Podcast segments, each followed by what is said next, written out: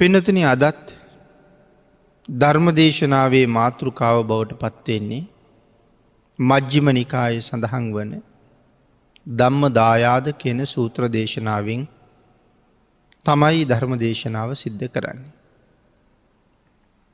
මේ සූත්‍ර දේශනාව ඇසුරු කරගෙන ධර්ම දේශනා හයක් මේ වෙනකොට දේශනා කරලා තියෙනවා.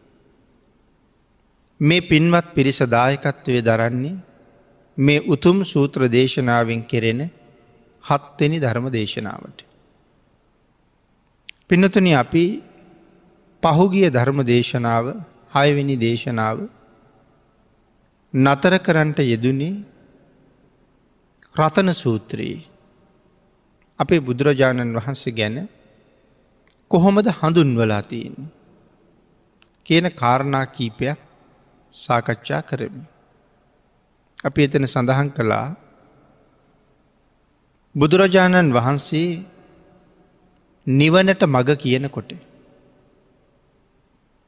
එකිනෙකට වෙනස් චරිත අසූ හතර දාහකට වෙන වෙනම නිවනට යන රිජු මාර්ගය පෙන්නන්ඩ දක්ෂයි කියලා. ඒ මාර්ගයේ පෙන්නනකොට සඳහන් කළා යම් ප්‍රමාණයක් ශාසනය ඉහලට ආපු අය. ධර්මානු ධර්ම ප්‍රතිපත්තියෙන් යම් පමණක් ඉහලට ආපු අය. ඒ අයටත් මඟ පෙන්නනවා වගේම ඉතාම පල් හැම මට්ටම ඉන්න අයටත් ඒ මාර්ගය හරියටම පෙන්නන්ඩ හරි දක්ෂයි කියලා. අන්න ඒ නිසා බුදුරජාණන් වහන්සේ හඳුන්වනවා වරා වරා හරෝ කියලා. අපි රතන සූත්‍රයේ සඳහන් කරනවා. වරෝ වරං්ඥූ වරදූ වරාහරූ කියලා. ඇයි එතකොට වරාහරූ කියල කියන්නේ. ඉහල ඉන්න අයටත් පහල ඉන්න අයටත් ඒ කියන්නේ ධර්මානු ධර්ම ප්‍රතිපත්තියේ යම් තරමක් ඉහලට ආපු අයටත් තාම ශාසනය ඉතාම ප්‍රාථමිකම තැන නැතන් තවම ශාසනයට ඇවිල්ල නැති ඒ ඕනෑම කෙනෙකුට.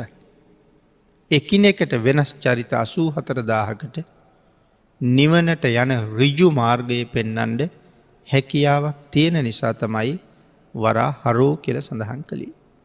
ඔය කාරණාව පැහැදිලි කරමින් පහුගිය දේශනාව නිමා කළා.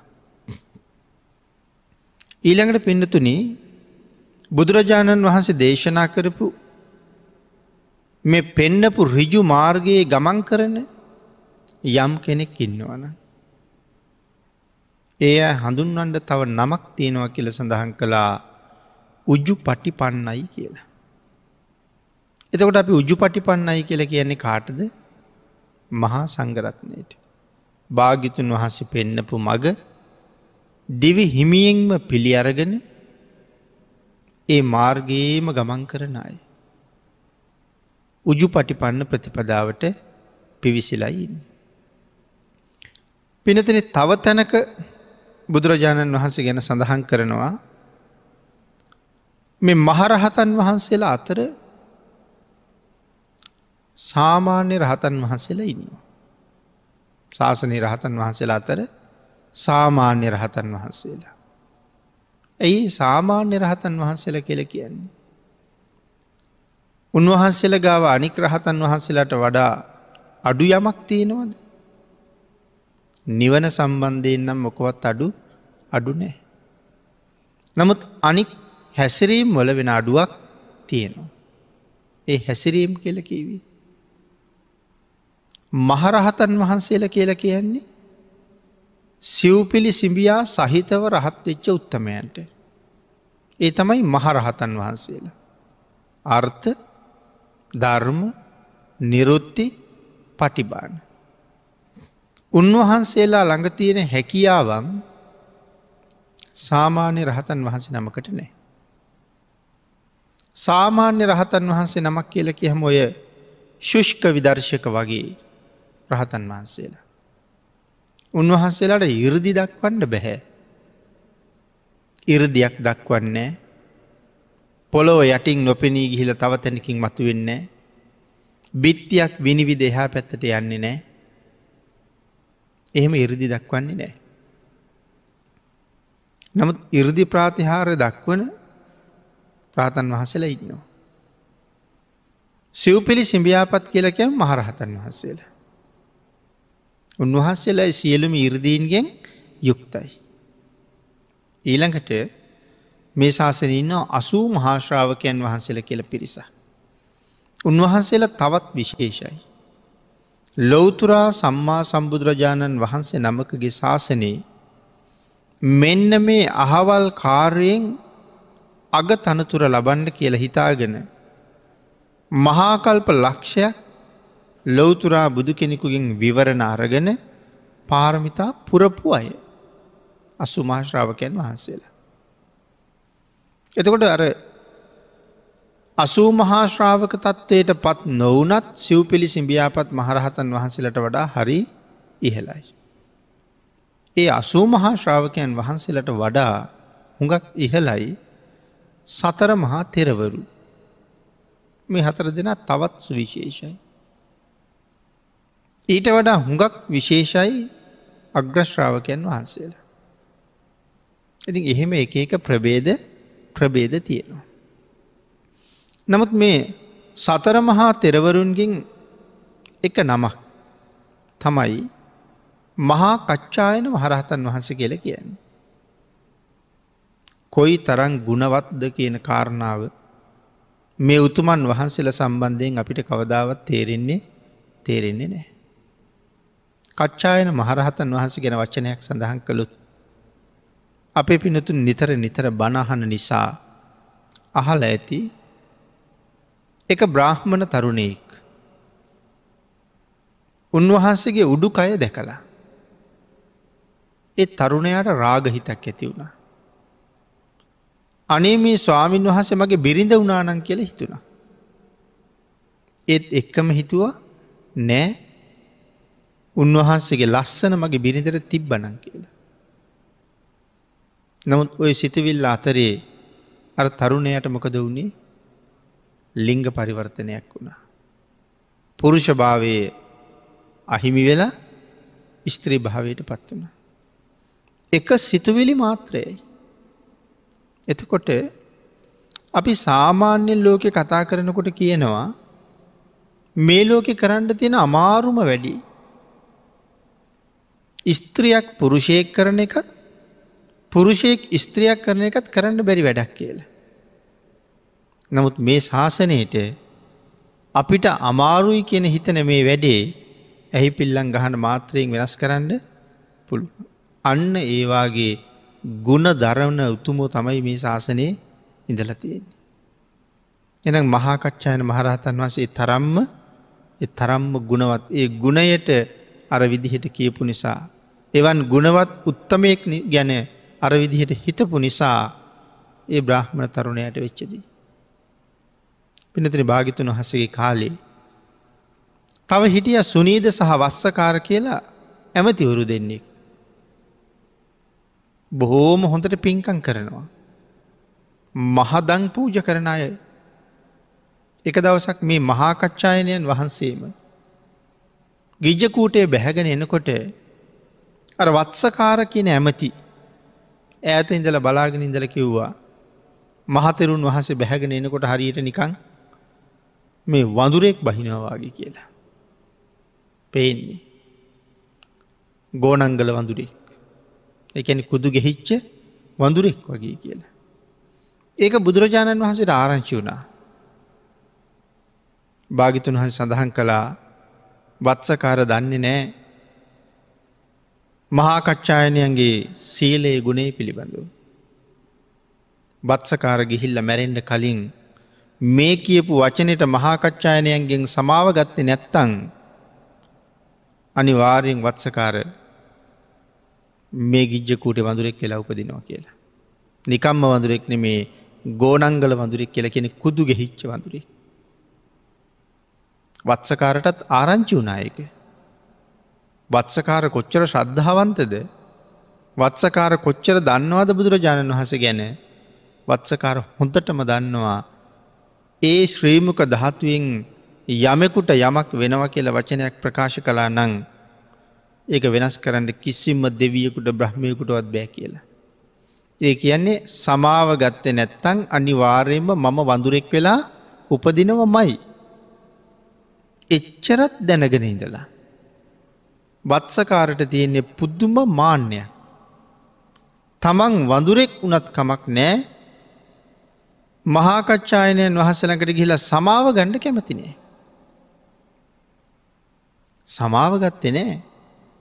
තමන්ගේ අතවැසියන්ට කිව්වා මේ වේලු වනේ මේ ගිජ්ජකූටේ මේ අවට මේ හැම්මත් තැනම පළතුරුවවන්ට කියලා.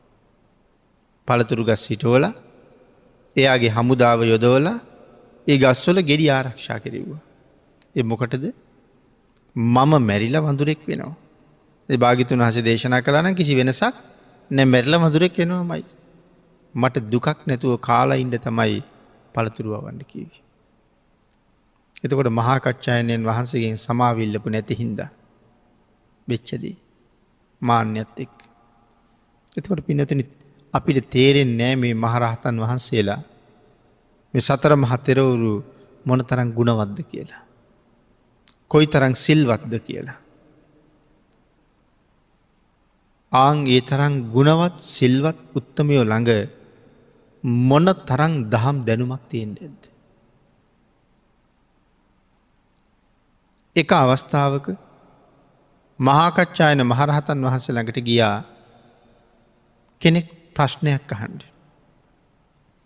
බුදුරජාණන් වහන්සේ දේශනා කරපු ධර්මකාරණාවක තේරු මහගණ්ඩ තමයි ගිය. උන්වහන්සේ ගාවට ඒ ධර්මකාරණාව තේරුම අහගණ්ඩ ගියහම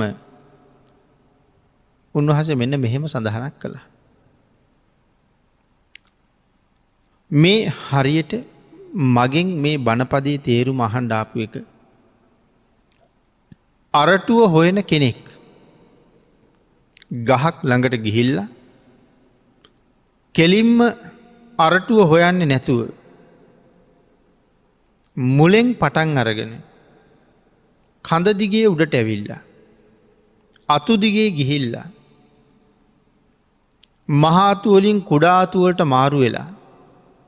අන්තිමට අතු අග්ගිස්සේ තියෙන පුංචි මතු කෑලියොලට අපි කියන්නේ රිකිලි කියලා. ගහේ මුලෙන් පටන් අරගෙන කඳ දිග ඇවිල්ල මහාතුවලට ඇවිල්ල එයින් මාරු වෙලා කුඩා අතුවලට ඇවිල්ල රිකිලිවලට ගිහිල්ලා තැන් රිකිලි අගින් අරටුව හොයනවා. එයාට අරටුව හම්බවීද කච්චායනයන් වහන්සේ සඳහන් කරනවා බුදුරජාණන් වහන්සේ වැඩඉන්න සුගන්ධ කුටිය පහු කරලා. අපි ඉන්න තැනට ඇවිල්ලා. අපෙන් ධර්මකාරණාවට විසඳුම හොයනවා කියල කියන්නේ අන්න ඒවාගේ වැඩක් කියලා. භාගිතුන් වහසේගෙන්ම තමයි යෝක අහන්ඩ සුදුසුම කියල සඳහන් කරන්න. ඇයි මහාකච්ඡායනයන් වහන්සේට ප්‍රශ්නයට උත්තර දෙන්න බැරුවද පුළුවන්. නමුත් බුදුරජාණන් වහන්සේ වගේ මේ විශ්වයට ධර්මය උපද්දෝපු ධර්ම රාජයන් වහන්සේ ධර්ම ඊශ්වරයන් වහන්සේ පහු කරලා ධර්මයේ ස්වාමිය පහු කර ලැවිල්ලා මගෙන් අහනව කියල කියන්නේ රිකිලි වලට ගිහිල්ලා අරටුව හොයනවා වගේ වැඩ. එහින්ද ඕක භාගිතුන් වහසගෙන් අහනිකයි වටින්. අපි යම්සේ උත්තරයක් දෙනවද ඒ උත්තරේ සිය දහස් ගුණයෙන් මනාව පැහැදිලි කරලා වර්ණනා කරලා උන්වහසරේ උත්තරේ දෙන්න පුළුවන්. එතෙන්ට යන්ට. බලන්න කොයි තරං නිහතමානීද කියලා. තමන්ගේ දැනුම ගැන තමන්ගේ අවබෝධය ගැන තමන්ගේ තත්ත්වය ගැන කවදාවත් තකනෝද පුදුමාකාර නිහතමානී බවක් මේ ශාසනය සංඝයා තුළ තියෙන බව මේ කතාවෙන් හොඳට හොඳට පැහැදිලි වෙනවා.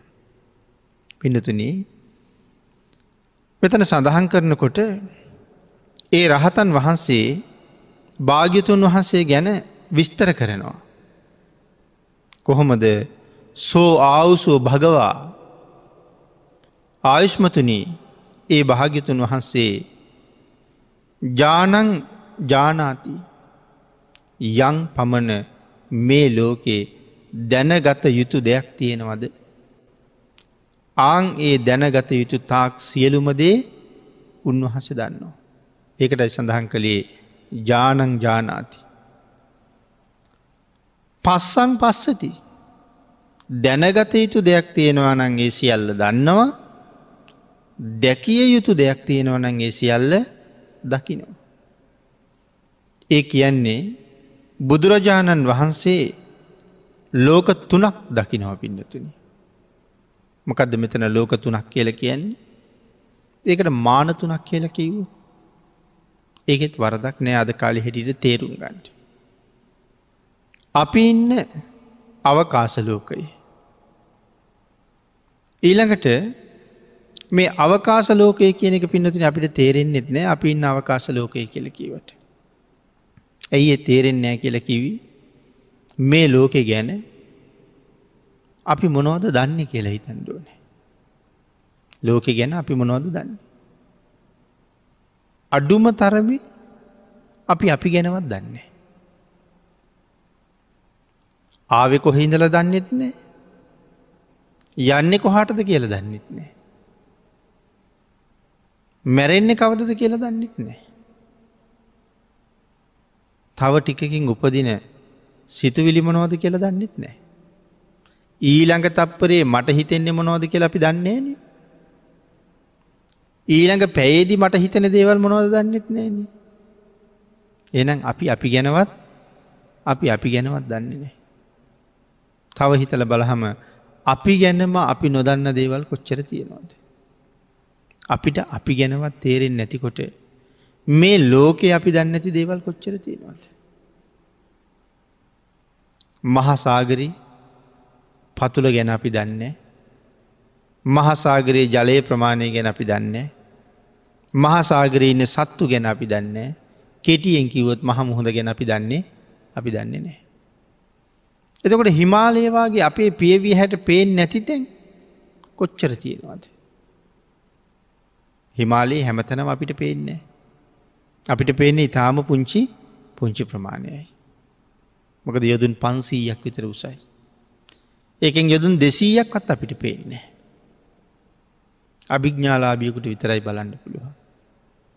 එතකොට එවන් අසිරිමත් තැන් ගැන අපි දන්නෙත් නෑ. දිවිය ලෝක ගැන බ්‍රහ්ම ලෝක ගැන අපි මොකොවත්ම දන්නේ. සතරාපායේ තිරිසන් ලෝකෙනන් අපිට පේන්ඩ තියෙනවා. තිරිසන්නු ගැන යම් ප්‍රමාණයක අවබෝධයක් තියෙනවා. නමුත් ඒ තිරිසනා ගැනත් සියලුම අවබෝධයන් අපිට අපිට නෑ. පහලින් තියෙන ප්‍රේත ලෝක අසුර ලෝක නිරය ලෝක ඒ මොකොවත් ගැන අපි දන්නේ අපි දන්නේ නෑ.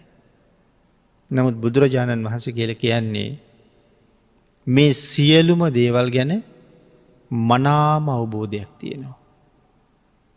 සියලුම දේවල් කියලකේ හම මේ ලෝකෙ මේ සක්වලේ තියෙන සියලු දේවල් නෙමෙයි. සක්වලක් කියල කියන ලෝක කීයක් කෙල්ලද අපි ධර්මයෙන් සඳහන් කරන්නේ ලෝක තිස් එක. දිවිය ලෝක හයයි බ්‍රහ්ම ලෝක දාසයයි තව එකට එකතු වෙනවා අරූපී තල බ්‍රහ්මලෝක කීයක්ද හතර. එතකොට දාසයයි හතරයි විස්සයි. දෙවිය ලෝක හයයි විසි හයයි. මනුස්ස ලෝක කීයද එකයි. අපායවල් කීයද හතරයි. එතකොට ඔක්කොම ලෝක තිස් එකයි.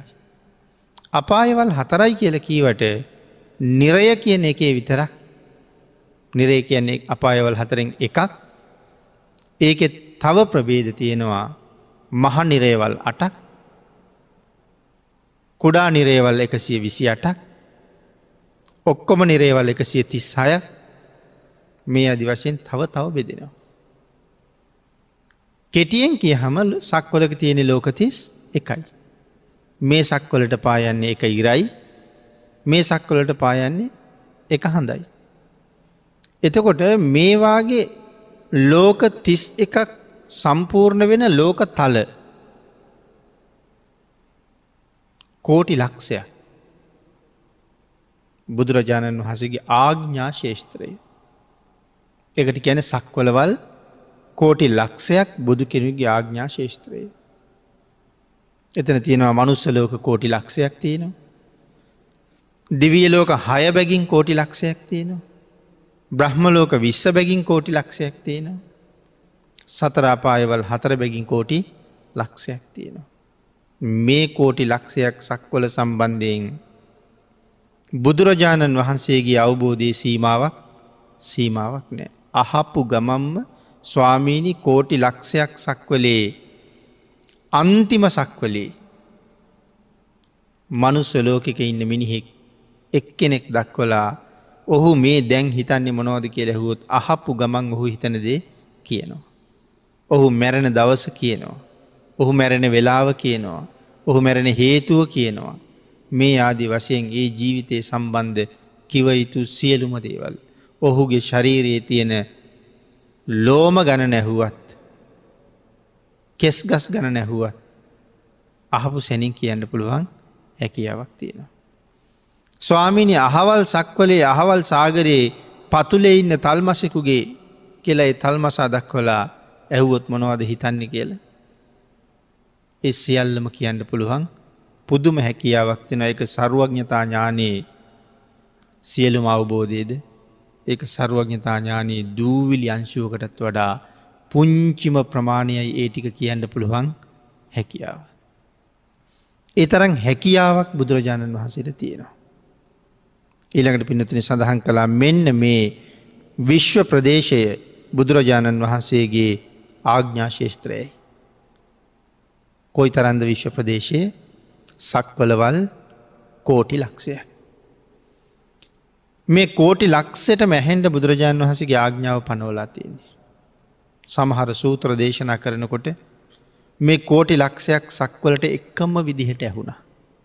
අහවල් දිහාට අඩුවෙන් ඇහුණ අහවල් සක්වලල්ලෝට වැඩියෙන් ඇහුණ කියල දෙයක් නෑ. අද අපි ශබ්ද විකාශනයන්ත්‍රයක් පාවිච්චි කළත් ඈතට යන්ඩ යන්ඩ ඇහෙන ප්‍රමාණය අඩුයි නමුත් භාගිතුන් වහසගේ හඬ අන්තිම කෙරවලේ තියෙන අන්තිම සක්වලටත් මේ සක්වලට ඇහෙනවා වගේ මැහෙනවා. එතකොට විශේෂ අධිෂ්ඨානයක් කරලා දේශනා කෙරුවොත් මේ කෝටි ලක්ෂයක් සක්වලින් එලියටත් කතා කරන්න පුළුවන්. විශ්වයේ තියෙන සක්කොලවල් ගාන සීමාවක් තියෙනවාද. විශ්වයේ තියෙන සක්කොලවල් ගානය කිසි සීමාවක් සීමාවක් නෑ.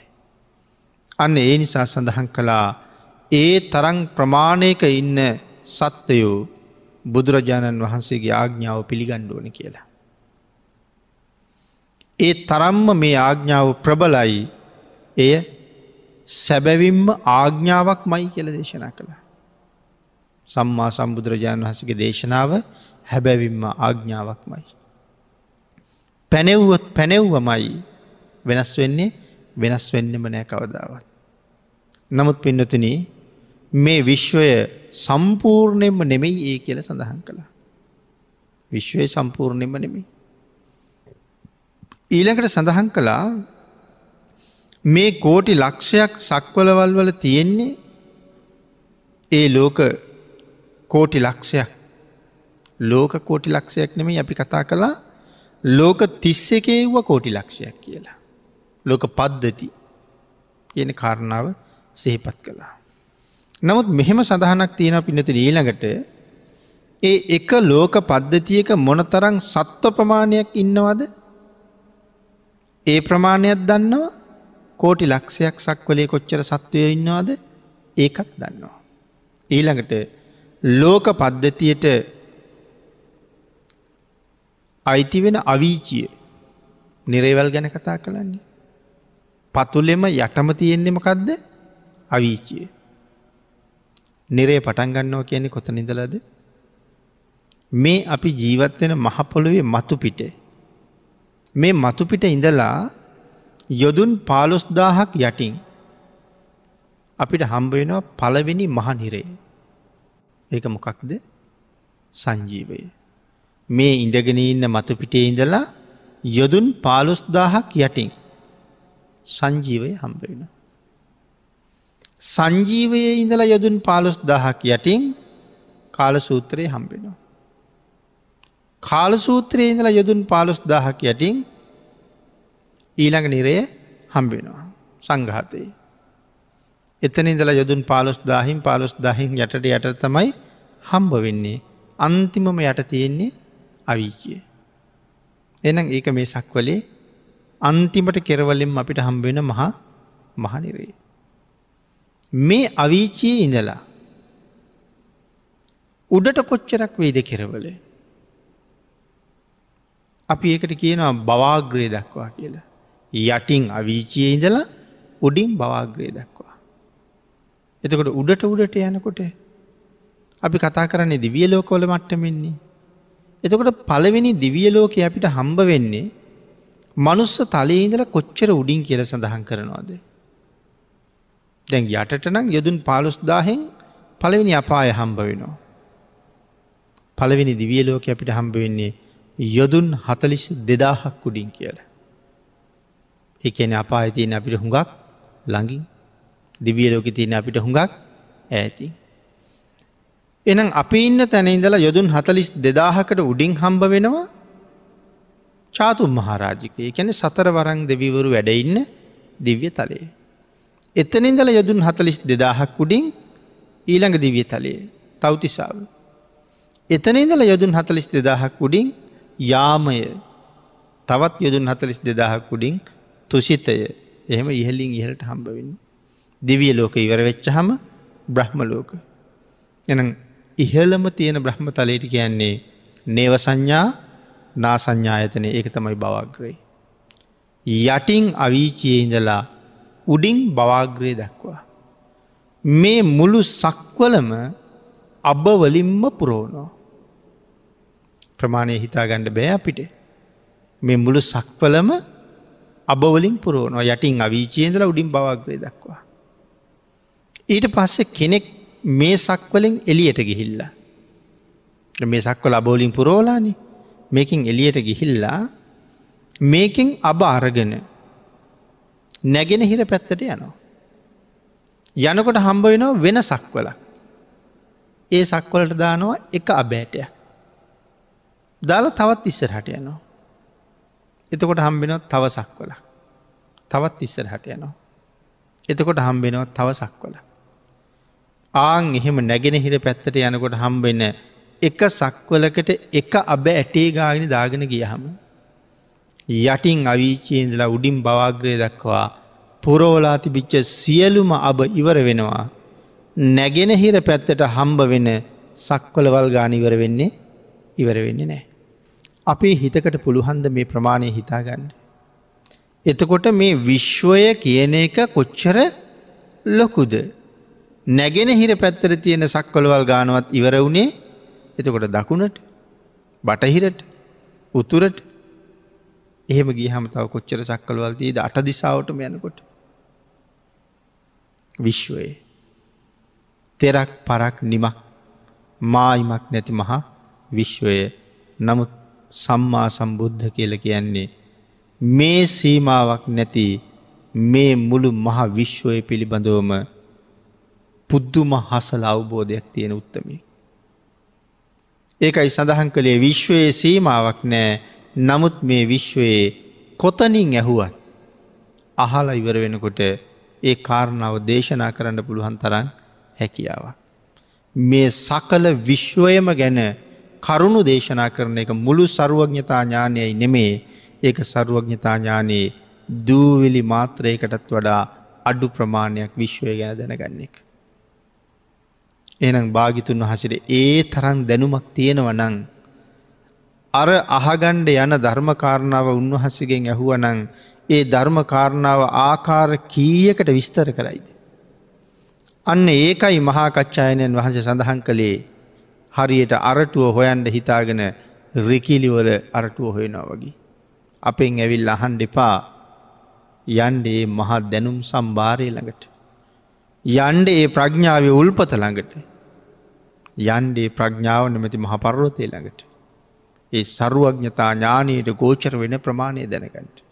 අපි දන්න ෑච්චර කියල කියන්ඩ පුද්දුම්ම නිහතමානී බවක් මෙරහතන් වහසල් ළඟ තියෙනවා කියල සඳහන් කරනවා. අන්න ඒ නිසා පින්නතුන සඳහන් කළා මේ විශ්වයේ තියෙන සියලුම ලෝක දහතු සරුවඥතාඥානයට වැටහෙනවා කියලා. සෝ ආවුසෝ භගවා ජානං ජානාති පස්සං පස්සති දැනගත යුත්ත මැනවිම්ම දන්නවා දැකිය යුත්ත මනාවම දකිනවා. මේ සියලු ලෝක දැනගැනීම සත්වලෝකය අවකාශලෝකය මේ දෙක සම්බන්ධ වන සංස්කාරලෝකය. සත්වලෝකයයි අවකාශලෝකයයි දෙක සම්බන්ධ කරපු සංස්කාරලෝකයයි එනිසා කියෙනවා ලෝක තුනක් කියලා. මෙන්න මේ සියල්ලම ගැන බුදුරජාණන් වහන්සේ අංශුවක් අංශුවක් ගානි දන්නවා. දසමයක් දසමයක් ගානි දන්නවා.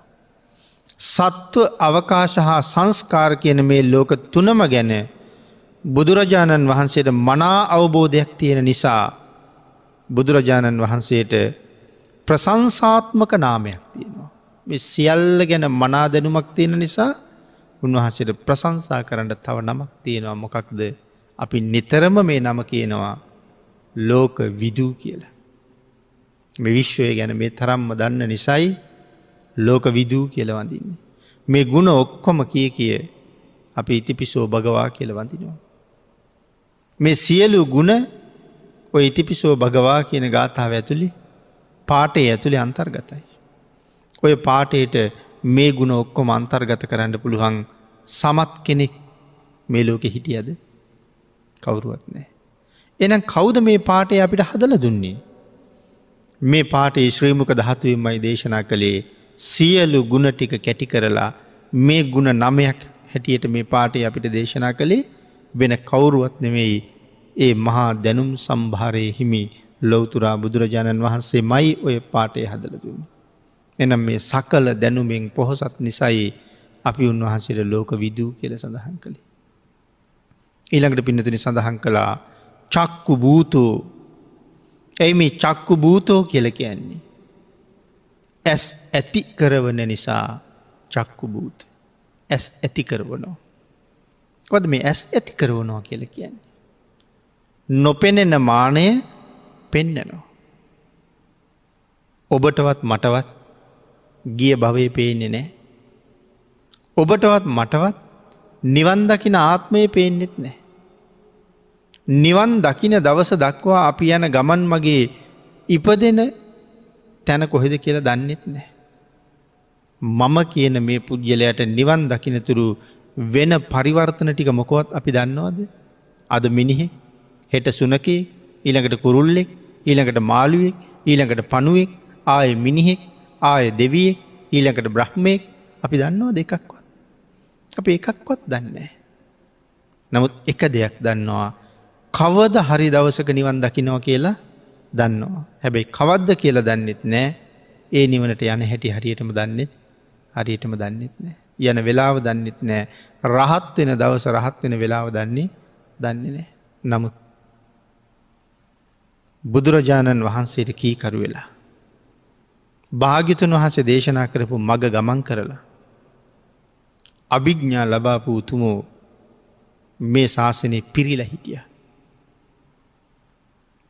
ඊළඟට රහත් එච්ච උත්තමයන් වහන්සේලා අභිග්ඥාස ලාබීව රහත් එච්ච උත්තමයන් වහන්සේලා ඕන තරන් හිටිය. මෙතෙක් කල් උන්වහන්සේලට නොපෙනුන ලෝකය ඒ අභිග්ඥාවත් එක්කම උන්වහසලට පෙනුණ. ගිය භවයේ කවුද කියලත් දන්නවා ඊළඟ භවය කවුද කියලත් දන්න. රාතන් වහසට ඊළඟ භවයක් නෑ නමුත් රහත් නොවී අභිග්ඥා ලබල හිට පුත්තමය ඊළඟ භවය ගැනත් හොඳට දන්න. සමස්ත භවයම පේන්නේ එකන්නේ රහත් ආපු අතීත ආත්මගාන ඔක්කෝම පේන්නේ අසූ මහශ්‍රාවකයන් වහන්සේටත් පේන්නේ උන්වහන්සේ පාරමිතාපුරපු කාලේ විතරයි කැන මහකල්ප ලක්ෂයයි පේ එතනින් හැට පෙන්නේ. අග්‍රශ්‍රාවකයන් වහන්සේට පේන්නේ උන්වහස පාරමිතාපුරු කාලි අසංකේයකුත් ලක්ෂයක් විතරයි එතනින් හැට පෙන්නේ. නමුත් අපිට මෙතෙක් නොපෙනුන මානය පෙන්නනවා. ඒකයි චක්කු භූතු එල සඳහන් කළේ. ඒ මග ගමන් කරලා අභිග්ඥා ලබල බලන්ඩ මග පෙන්න්නනවා. ඥානභූතෝ ඥානය ඇති කරවනවා. අපිට ඒ තරම් ලොකු ඥානයක් නැහැනේ. ඥානයක් තියෙනවන අපි මෙහෙම ඉන්නෙත් නෑනේ. අපි මේ ලෝකෙට ආවේ වෙන වැඩක් කරන්න. මොන වගේ වැඩක් කරන්න වෙන්න ඇද්ද. තව තව පින් කරගෙන අපායට පිටුපාලා එක්කො සුගතියෙන් සුගතියට යන්ඩ ගේල කෙරවල නිවන් දකින්න එහෙම නැත්තං මේ ජීවිතයෙන්ම මගපල හොයන්ඩ අව වෙන්නත් පුළුවන්. ආපු දිහං ආවේ එහෙම කරනවා කියලා හිතාගෙන වෙන්න ඇති. ඒ කොහොමද ආවේ මොනවද හිතුවේ කියන කාරණාව සඳහන් කරලා තියෙන්නේ පංච පුබ්බ නිමිත්ත කියන සූත්‍ර දේශනාව. අපි සමහරලාට දිවියලෝකින්දල චුත වෙලායිනවා මෙහාට. ඇයි එන්නේ දිවියලෝකින් චුත වුණේ පින් ඉවර වෙච්ච හින්දන. එනම් මෙහාට ආවේ නැවත වතාවක් පින් කරගෙන ආයෙත් එහාට යන්ඩ. නමුත් මෙහෙ ආවට පස්සේ පින් කරන්න හිතෙන්නේ නෑ. පිනටම යෙදෙන්ට හිතෙන්නේ නෑන. වෙන වෙන දේවල්නෙ වැඩියෙන් කරන්න හිතුනි. ඉගෙන ගණ්ඩෝනේ රස්සාාවක් හොයා ගණ්ඩෝනේ ගෙයත් දොරක් හදා ගණ්ඩෝනේ ආවාහ විවාහවෙන්ඩ ඕනේ යානයක් වාහනයක් ගණ්ඩෝනේ ඒවාගේ වැඩ ගොඩක් තුළ අවුරුදු හැටක් හැත්තෑවක් වගේ කෙටි ජීවිතයේ වැඩි කාලයක් යොමුණේ ඒ පැත්තට. අර සියලුම දේවල් පැත්තක තියල ධර්මයම ඉගෙනගෙන ධර්මානුකූල මාර්ගය යෙදිල ආපු ගමන හරියට යන්න තීරණය කරපු අය හරි අඩුයි. ගිහි ප්‍රතිපදාවත් ඔය විදිහටම කරගෙන නමුත් සුගතිගාමී ප්‍රතිපදාවට යන්න බැරිද බැරිනෑ අතීතයේ සිටු මැති මහා ඇමති රජවරු ඒ මග ගියපු බව අපි හොඳට දකිනු. ගිහි ගෙදර ඉඳල මාර්ගපල් ලබපු බව අපි දන්න. ඒකට නිවැරදිව තෙරුවන් සරණ ගිහිල්ල භාගිතුන් වහස දේශනා කරපු මග ගමන් කරන්න ඇති. නමුත් ප්‍රඥ්ඥාව හුඟක් අඩු නිසා අපිට ඒකට ඒ තරන් කාලයක් ඒ තරන් කාලයක් නෑ. බනක් අහන්ඩයක් දානයක් දෙන්ඩයක් සිල්ගණ්ඩයන් භාවනාවක් කරන්න යං කියලා අපි කෙනෙකුට මතක් කරහම හුඟක් දෙන අපිට කියන්නේ බලන්නන් එන්ඩ කියලා. වෙලාවක් තිබ්බොත් එන්නම් කියලා. සමහරයි කියන ඔව්වට ගිහිල්ලා නාස්ති කරන්න කාලයක් අපිට නෑ කියලා. කොයි තරන් කොයි තරං දුප්පද්ද. සමහර රජවරු ජීවිතය පූජා කරලා බනැහු. සකල සිල්ප අතහැරල සියලු සම්පත් අතහැරල බණ ඇහුවා. මහාකප්පිනාදි මහරජවරු මගදී තමයි ආරංචුනේ තුනුරුවන් ලෝකෙ පහළ වෙලා කියලා.